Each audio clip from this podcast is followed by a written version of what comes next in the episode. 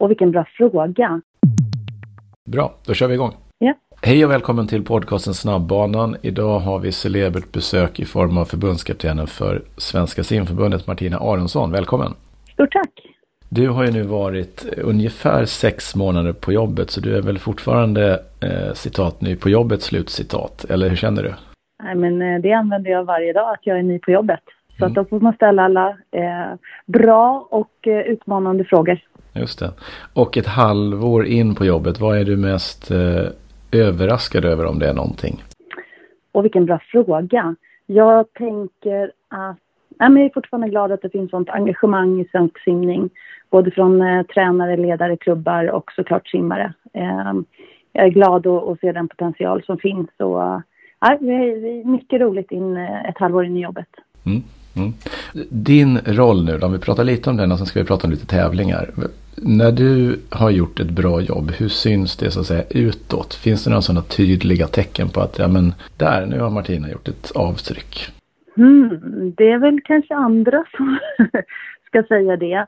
Men jag skulle vilja säga att, att eh, vi fortsätter bygga på den här härliga vi-känslan som finns i svensk simning. Eh, att vi får klubbar att jobba ytterligare närmare tillsammans. Och eh, att allting funkar eh, smärtfritt liksom, på mästerskap och eh, förberedelserna innan. För det är mitt jobb att, att skapa, skapa de bästa förutsättningarna för, för simmarna på hemmaplan och eh, under mästerskap. Mm. Det har ju varit mästerskap, det har varit VM, det kommer snart ett EM, det har varit nationellt SM. Är det något speciellt som du har liksom lagt till, tagit bort, ändrat på kring mästerskapstänket? Ja, jag vet inte riktigt exakt eh, såklart hur, hur Ulrika har jobbat innan eftersom inte jag har jobbat tillsammans med henne när hon var förbundskapten. Men jag har jobbat eh, liksom nära henne och eh, nära de eh, tidigare förbundskaptenerna och då pratar jag om Thomas Jansson, Hasse Bergqvist, Ann Forsell och Hans Kronak. Eh, det jag eh, jobbar med i alla fall, kan jag säga att jag, jag försöker tänka eh, långsiktigt och det betyder så tidiga eh, nomineringar som möjligt till mästerskapen. Ehm, Jag vill jobba tydligt med lag ehm, och jag vill jobba med en bruttolandslagstrupp som, som ingår hela året om. Mm. Och en, vad innebär en bruttolandslagstrupp? Om man är med i den, vad innebär det? Ja, men man, man ingår i en bastrupp för landslaget eh, som presenteras då efter eh, SM i SM här nu på sommaren och då till och med landslaget i 12 månader. Och det innebär att man dels eh, har tillgång till alla resurspersoner som finns. Dels har man tillgång till det här eh, RACE-analys och test och film som finns runt NEC. Och dels har man möjlighet till, till individuellt stöd, det vill säga att man kan söka det man, man vill och önskar ha support med på hemmaplan eller om man behöver åka iväg. Och det här har ju funnits i USA ganska länge, eller hur? Är det där du har inspirerats lite av, eller hur har du tänkt? Nej, men vi har väl haft det också i svensk simning. Jag vet inte riktigt när det försvann. Eh, I och för sig har man ju tillhört eh, ett landslag om man varit med i en mästerskapstrupp. Men nu vill jag liksom att, att det ska vara tydligt att det finns ett landslag och däremellan så finns det mästerskapstrupper. Men eh, när jag började själv som, som tränare i seniorlandslaget så, så var det ju så. Och det var ju då med Hans Kronak. Mm. Och hur många ungefär tror du att det är som kommer att vara med i bruttolandslagstruppen? Ja, men mellan 25 och eh, 30, så förhoppningsvis närmare 30 simmare. Och det handlar om att det, det är en, likadant som EM-truppen nu, att det är en bred, stor eh, trupp och eh, båda, eh, både fokus på, på sprint och, och distanssimning. Ja men spännande. EM nämnde du. Eh, truppen till EM kom ut här, eh, häromdagen. En ganska stor trupp om man jämför med en del andra mästerskap. Vad har du för tankar bakom det? Nej, men jag tänker så här, det är två år innan, innan Paris. Ehm, på VM hade vi en ganska smal trupp på 13 simmare. Eh, och jag tänker att det är två år nu fram, fram till Paris och nu ska ju fler få chansen att, att få internationell erfarenhet men också testa sig och kunna visa upp sig och ta, ta den här utmaningen de har fått. Ehm, så jag hoppas eh, många tar liksom, vad säger man, eh, flaggan och eh, gör ett riktigt bra eh, EM här nu. Mm. Och har du satt upp, eller ni satt upp några specifika mål vad gäller finalplatser, medaljer eller annat just för EM? Ja, men jag har hittills inte jobbat så. Jag har fått den frågan några gånger, framförallt då så många gånger inför e VM. Men eh, som jag sa inför VM så klart jag vet vad det bästa eh, mästerskapet eh, i medaljmässigt har varit på VM. Eh, och jag är en tävlingsmänniska så jag vet, vet om det. Eh, men jag kommer inte sätta upp eh, sådana eh, såna medaljmål utan eh, det som jag tycker är viktigt är att försöka göra sina säsongsbästa och slå sina pers. Eh, för gör en simmare det på den här nivån, ja men då är man i semifinal, man är i final och man slåss om, om medaljer. Så på något sätt handlar det om att eh, fokus på sig själv, vad man kan göra för bästa förberedelserna och försöka simma det snabbaste man, man har simmat på mästerskapet. Vad är negativt med att sätta ett medaljmål då? Antar jag att det finns någonting som är det? Ja, men det är så himla bräckligt, tänker jag. Det är hundradelar hit och dit och, och man ska inte definiera eh, liksom en framgång om, om man kommer fyra eller trea. Och då tänker jag bland annat på Louise Hansson till exempel som kom eh, fyra med, med 700 delar. Det är liksom, det är rätt bräckligt att bara sätta medaljmål utan det handlar om mål. Eh, på något sätt ett, vem vill jag vara på mästerskapet som simmare? Vilken attityd har jag och hur tar jag mig an mästerskapet? Och två, förhoppningsvis simma det snabbaste eh, man, man, har gjort. Det tycker jag är mer att, att hämta och ta på än, än medaljmål. Mm. Och den truppen som kommer här nu, eh, vilka namn där som är, inte har varit med tidigare eller inte har varit med så många gånger är du mest nyfiken på att se hur de presterar? Är det några som du kan liksom nämna? Um, oj, oj, oj. Nu ska vi se här. Jag är supernyfiken såklart um, på, på debutanterna och ser att, att de tar det här eh, med, med den äran och, och, fokus på att eh, sig själv och, och leverera på plats. Um, det är allt ifrån sprintrarna, um, tänker Erik Falk, Cecilia Wiberg. Jag tänker också på de som ehm, simmar lite mer medeldistans. Ehm, och till sist då eh, Viktor som jag inte sett på internationell mästerskap. Det ska bli jättekul att se honom också. Och är det några som du kände att de var väldigt, eller hur många om det var några var väldigt nära att komma med men inte kom med? Um, ja men det är klart att det var och truppen kommer att kompletteras också nu efter EM i Bukarest. Så det hoppas jag verkligen att vi får två till tre, eh, fyra simmare som, som tar chansen på plats där.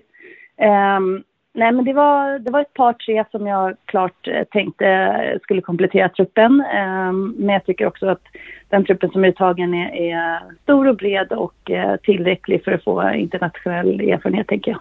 Ja, just det. Och du nämnde just att det, det, är viktigt inför ett OS som är bara om två år och kanske inte finns så jättemånga möjligheter att visa framfötterna fram tills dess. Men om man nu ska göra det, eh, vilka mm. distanser eller vilka lagkapper känner du att men här finns en öppning för några som inte är med i EM-truppen nu men som kan komma i beaktande? Nej, men det är klart att det är ganska öppet på 4x100 frisim damer och herrar. Eh, det är många simmare som, som är nära och, och det är tajt. Eh, så vill man eh, fokusera eh, och ligger där i närheten så tycker jag absolut man ska göra en helhjärtad satsning på, på de distanserna. Sen eh, 402 herrar till exempel har vi ju en sån som Viktor och Robin i laget. Så vill man komplettera eh, dem så, så handlar det om att göra en tid mot, mot 1.47 eh, i en lagkapp. Och det hoppas vi att, att eh, ett par till killar gör om två år. Mm. Ja men bra. 100-200 frisim lagkapp om det finns lite utrymme om, om man är sugen på det alltså. Ja men det är bra. Exakt. Exakt, exakt. Utmaningarna är framme.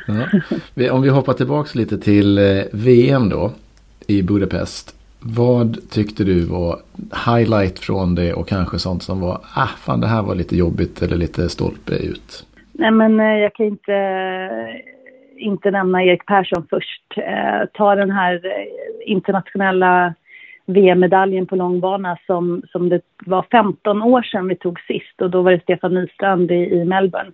Så Erik Persson på distansen 200 bröstsim, det är fantastiskt. Så på något sätt de här tuffa första fyra dagarna när vi hade med lite stolpe ut, tänker jag då bland annat på Louise Hansson som jag nämnde förut med en fjärde plats. Um, fast hon var, hade en som mål och uh, hade varit väl värd en, en pallplats. Och även Robin Hansson som var 300 delar utanför en semi. vi såg inte riktigt hans eh, fulla potential heller på, på VM tycker jag.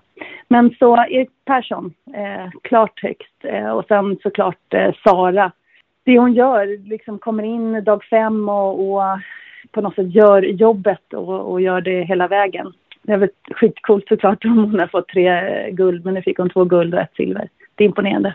Och var det någonting som du kände, du nämnde 700 delar fjärdeplats för Louise, var det något annat som du tyckte så ja ah, men här hade vi lite, skulle kunna förväntas oss mer utan kanske att hänga ut någon men är det någonting som du känner att det här kanske vi kunde gjort annorlunda för att få ännu bättre resultat eller? Nej, men det är väl en superbra fråga och jag tänker, det ser vi också efter SM-simningarna. Um, det fanns ju absolut mer potential mm. hos flera simmare. Uh, och det behöver man ju lära sig nu uh, och se, gjorde jag de rätta förberedelserna? Uh, vilade jag tillräckligt? Uh, när släppte jag styrkan? Och så vidare. Så på något sätt behöver ju simmaren och tränaren gå hem och i verkstaden igen och fundera. Vad gjorde vi bra på VM? Eh, och, och med SM-resultaten då är det någonting vi kan skruva på liksom till EM. Så eh, självklart finns det ju mer, eh, mer potential i truppen än vad som kom ut i Budapest. Dags för ett litet reklammeddelande. Ibland så är det bra att fylla på sina simprylsförråd med simglasögon, ryggsäck, badbyxor, badmössor Baddräkter, allt möjligt. Tyrsverige.se har de absolut bästa och snyggaste prylarna för dig som vill både simma fort och simma snyggt. Gör som Erik Persson och Michelle Coleman. Gå in på tyrsverige.se och shoppa loss. Och eh, SM nämnde du här det, som ingår i SM-veckan, Linköping, ett gäng dagar, eh, fint väder nästan varje dag. Vad, vad tyckte du var roligast under tävlingsdagarna? Ja, men det var ju superhäftiga dagar. Liksom, det badet, eh, de dagarna och det, det solskenet. Det var lite väl hårt solsken ibland, mm. kanske mm. simmarna tycker. Men, eh, ja, men första grenen, liksom, Victor Johansson på Fena frisim, ja, men det var ju, det var ju superhäftigt. Så jag tar med mig hans eh, vad ska man säga, tillbakagång mm. eh, igen och att han fick eh, visa upp sig här eh, efter, efter inte nöjd riktigt med college här i vår. Eh, och sen tycker jag Robin Hansson, Isak Eliasson var fantastiskt bra. Julia Månsson var det underbart att få se från Örebro. Eh, hennes också eh, pers igen efter många år kämpande. Så att, eh, Klara Tormalm.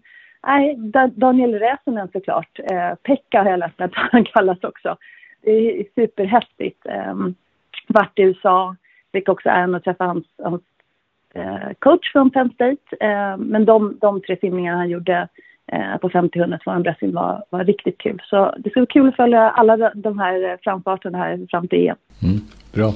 Och EM nämnde du att det kommer förhoppningsvis att kompletteras med några simmare om de simmar tillräckligt fort där till EM-truppen. Och hur viktigt är EJM för svensk simning och simmarna där? Hur mycket satsar man på det? Men jag tror att EGM är superviktigt på vägen. Jag tror att man inte... Man, det är viktigt att veta om hur snabbt eh, man simmar i Europa på juniorsidan. Det är, det är superviktigt, men jag tror inte man ska nedslås av det. För jag, jag märker ju att vi i Sverige, vi har en, en bra progression och eh, fortsätter simma långt upp i åldrarna. Så jag tror det är viktigt att se hur snabbt man simmar, veta om det och sen förhoppningsvis vara med där oavsett om det är i en final eller i närheten av, av en final med semifinal eller precis utanför. Um, så jag tror EM är ett jätteviktigt steg på vägen och vi ser att många seniorlandslagssimmare, eh, inte alla, eh, men kommer från juniorlandslaget. Eh, så att jag tycker EM är, ett superviktigt steg på vägen. Men det handlar om att lära sig därifrån och ta det vidare. Mm. Bra. Du, om vi tittar lite framåt, då, OS 2024 i Paris. I år så har vi haft ett VM, det finns ett EM som kommer upp. Vad är viktigast på EM för att du ska känna att ja, nu har vi två år kvar och vi ligger riktigt bra i fas? Är det några specifika delar som du vill kunna ta med dig från EM? Nej, men jag tror att det är många simmare som vill eh, känna att de eh, går vidare från försöken till semifinal till finalen och är där och slåss om medaljerna. Eh, jag vet att Björn bland annat är supersugen på att göra det på sina tre distanser, 50 rygg, eh, 50-100 frisim. Ehm, jag hoppas också flera av lagkapslagen är i finalen. Eh, så på något sätt handlar det om att fler simmare tar chansen att lära sig ehm, semifinal och finalsimning. För det tror jag är superviktigt. att kunna tåla ett helt mästerskap ehm, oavsett om det är nästa år eller om två år, eh, som är sju eller, eller åtta dagar. Eh, på något sätt också de som är där i toppen att man kanske lär sig när man behöver hoppa på den här fokuståget och när man kan kliva av den inför eh, ett försökslopp, semifinal och final. Man behöver spara på, på fokus och, och, eh, och så i, eftersom mästerskapet är sju till åtta dagar. Mm. Så på något sätt är det att ja, vi är där eh, vid eftermiddagssimningar och vi har tagit med oss flera, både pers men också säsongsbästa. Mm. Bra. Bra Martina, jag är, är nöjd med, med frågorna och svaren faktiskt också måste jag erkänna. Har du någon ytterligare del som du skulle vilja komplettera med kring tävlings, tävlingarna som vi har pratat om mest nu? Eh, nej men vad bra att du är nöjd med frågorna och några och svar. Svaren. Och svaren. och svaren. Och svaren.